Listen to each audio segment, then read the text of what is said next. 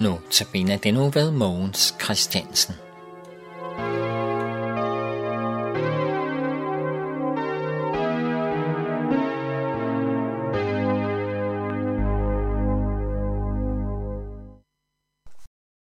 Vi har de to foregående dage hørt om helbredelsen af den blinde mand ved Jericho.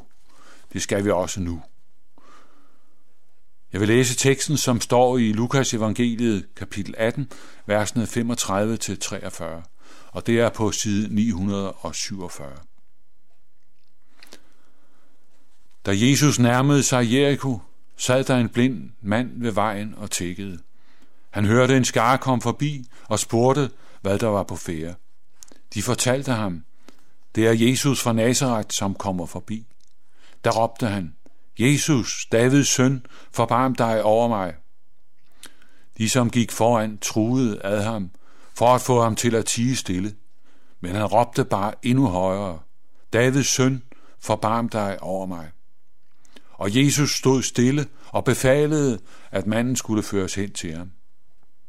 Da han var kommet derhen, spurgte Jesus ham, hvad vil du have, at jeg skal gøre for dig?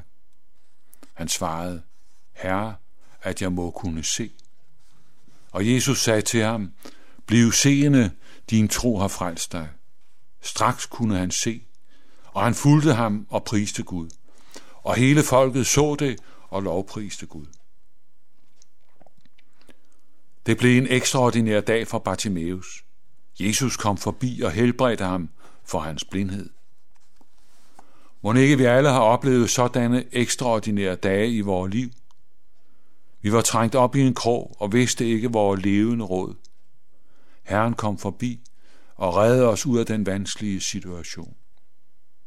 Der, hvor vi ikke kunne se en udvej, der banede Herren vejen for os og vendte problemet for os. Jeg kender det fra mit eget liv. Vi kan spørge, hvordan kommer Jesus forbi? Det gør han, når vi bliver døbt. Det gør han, når vi er sammen med ham i ordet. Det gør han, når vi henvender os til ham i bønden. Det gør han, når vi modtager ham i nadveren. Der kommer han forbi og er sammen med os og tager ansvaret for os. Der, hvor to eller tre er sammen med Jesus, sammen med Jesus i Jesu navn, der er han midt i blandt os til stede. Hvad vil du, jeg skal gøre for dig? Han, den almægtige, spørger, hvad han kan gøre. Han griber ind i vores liv og giver os langt ud over, hvad vi tør bede om. Jeg kender det fra mit eget liv. Der, hvor Jesus kommer forbi, der sker der store ting. Der griber han ind og vender situationen til bedste for os. Om Bartimeus står der, han fulgte Jesus og priste Gud. Der var virkelig grund til glæde for ham. Jesus havde gjort store ting i hans liv, lige ind i hans situation, og han blev glad. Han takkede for Jesu indgriben, fulgte ham og takkede Gud. Der var virkelig grund til glæde. Må det være kendt på os, at vi har været sammen med Jesus. I Johannes evangeliet kan vi høre ordene, og ordet blev kød og tog bolig i blandt os. Og vi så hans herlighed, en herlighed, som den enborne har den fra faderen, fuld af noget og sandhed. Jeg skal citere en sang, som er den, vi hører efterfølgende også. Ja, en gang mine øjne skal se kongen i hans pragt. Tilbede i hans tempelhal, hans nåde og hans magt. I et krystalklart hav af lys forsvinder tidens nat og gys. Forvandlet bliver hver gåde her til lovsangsjubel der. Så er jeg frelst, så er jeg fri, så har jeg vundet frem, så er min strid med et forbi. Så er jeg i mit hjem, det hjem min frelser lovet har.